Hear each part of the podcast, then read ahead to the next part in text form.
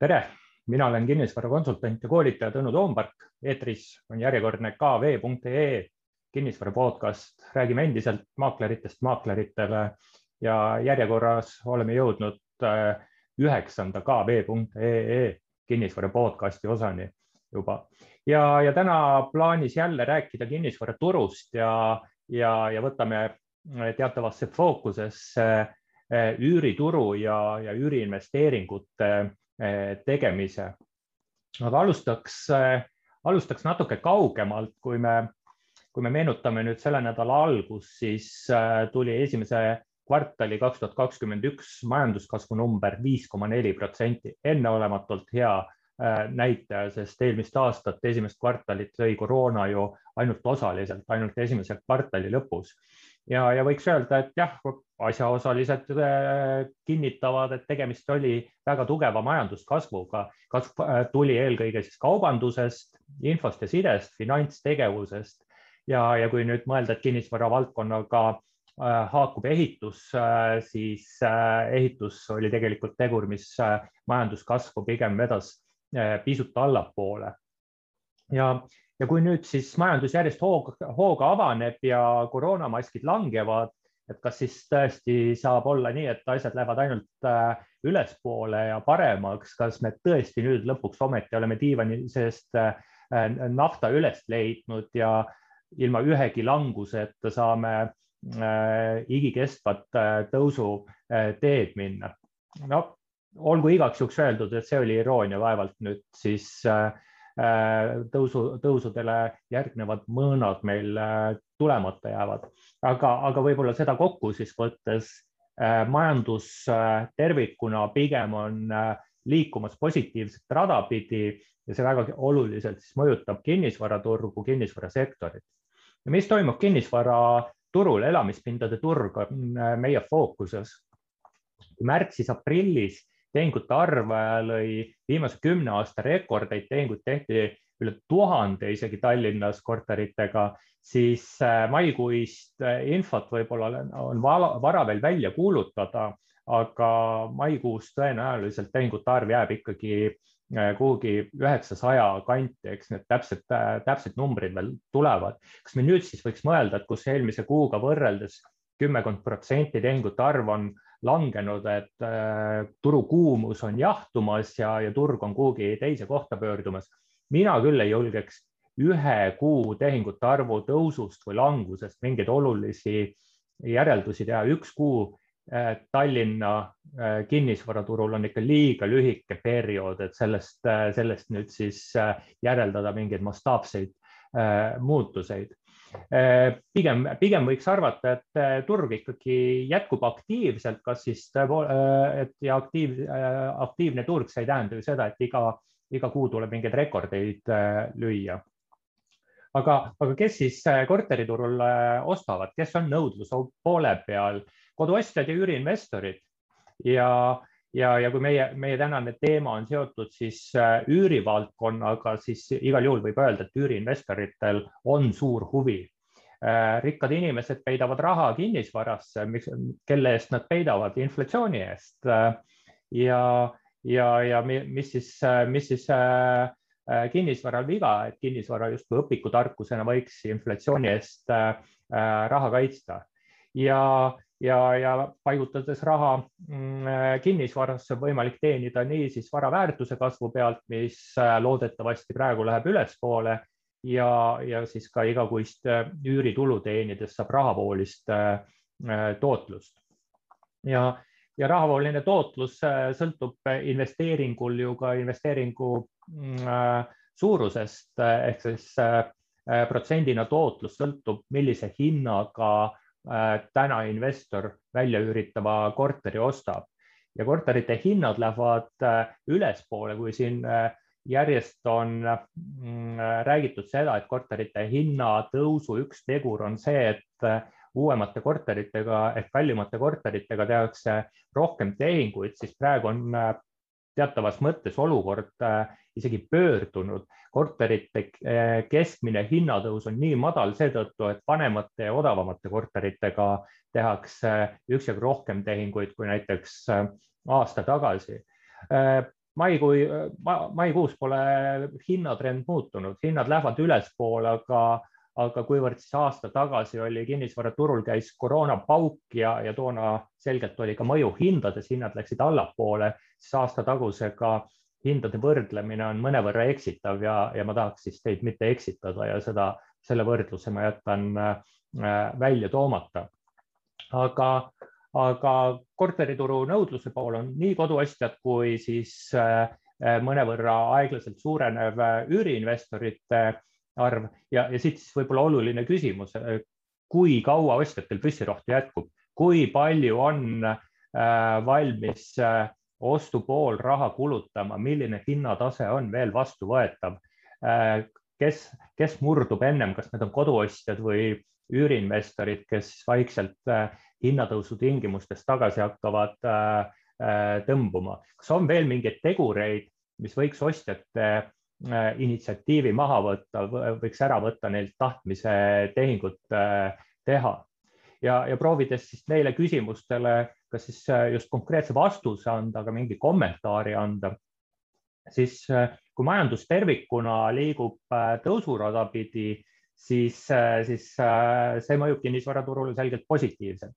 Kui me vaatame kinnisvaraturu sisse, mis kinnisvaraturu sees toimub, siis äh, mm, ütleme, et hind kasvab liiga kiiresti mõnevõrra, äh, tehingute arv on mõnevõrra liiga kõrgel, aga meil ei ole niisuguseid äärmuslikku äärmuslikkust. Ehk, äh, ehk turul on selgelt kuum, aga, aga mingeid selliseid tegureid ei ole, et me peaks prognoosima, et nüüd turg kukub homme kokku mingite paari teguri najal, nii nagu näiteks kaks tuhat kaheksa aastal toimus, kus kinnisvaraturg kukkus juba ennem kokku, kui Lehman Brothers äh, aasta lõpul pankrotistus, siis kogu negatiivsele arengule veel täiendavalt hoogu juurde andis. kas, kas see, mis võtab ostjatel hoo maha, on ikkagi hind? ega muid tegureid praegu äh, liiga palju ei paista, mis võiksid ostjate ostuhuvi pärssida, et vahet pole, kas me räägime üüriinvestoritest või, või koduostjatest. ja, ja, ja, ja muidugi koduostjad on selles mõttes olulisem grupp, sest äh, koduostjaid on äh, ikkagi enamus, ütleme üüriinvestorite hulk Tallinna turul võiks olla äkki kuskil siis väga hinnanguline näitaja, aga kuskil kakskümmend, kakskümmend viis protsenti äh, tehingutest, ostutehingutest. Ja, ja siit siis, äh, siit siis ongi, jõuame selle küsimuse juurde, mida siis hind teeb, et kui, kui hind võiks olla peamine tegur, mis ostjate ostuhuvi võiks mõjutada, kas, mida siis teeb hind lähemas tulevikus, lähemate kuude, kvartalite jooksul? täna, täna, kus pakkumist on turul pigem vähem, pakkumist nii uute korterite sektoris kui vanemate korterite sektoris, mõnevõrra vähem kui, kui näiteks aasta tagasi ja nõudlust on oluliselt rohkem kui aasta tagasi, siis sellistes tingimustes hind saab minna üles ainuüksi seetõttu, et nõudlust on äh, rohkem. Teine, teine teema on muidugi siin see, et pakkumist tuleb vaikselt juurde, viimase kuuga on Harju maakonnas tulnud äh, uusi kortereid pakkumisse kuskil noh, ütleme üle seitsmesaja. Ja see tähendab seda, et koduostja, kes ostab uue korteri äh, tõenäoliselt siis müüb oma vana korteri maha ja suurendab seeläbi vanemate korterite pakkumist. okei okay,, muidugi kõik, kõik koduostjad ei müü vana maha, mõned jätavad investeeringu, investeeringuks, aga, aga enamus siiski eh, müüvad. nii et eh, pakkumine on, ütleme, tasakaalustumise teed liikumas ja, ja sealt võiks eh, mõningane siis hinna, hindasid üles ajav surve vähemaks tulla Äh, teine teema on siis äh, äh, ehitushind. ehitushind, ehitusmaterjalide hind eelkõige, üks asi on siis hind, teine asi on ehitusmaterjalide kättesaadavus. Kindlasti on head kuulajad lugenud, kuulnud kommentaare selle kohta, kuidas mingid ehitusmaterjalid on kümneid ja kümneid protsente kallimaks läinud. selleks, et kinnisvaraarendus saaks pakkumist suurendada siis äh, arendajad peavad, eks, projekti äh, müüki tooma ja uue arendusprojekti müüki toomine on äärmiselt Exceli põhine. Exceli põhine, see tähendab seda, et äh, kui tulud ja kulud kasumit välja ei anna, siis projekt müüki ei lähe.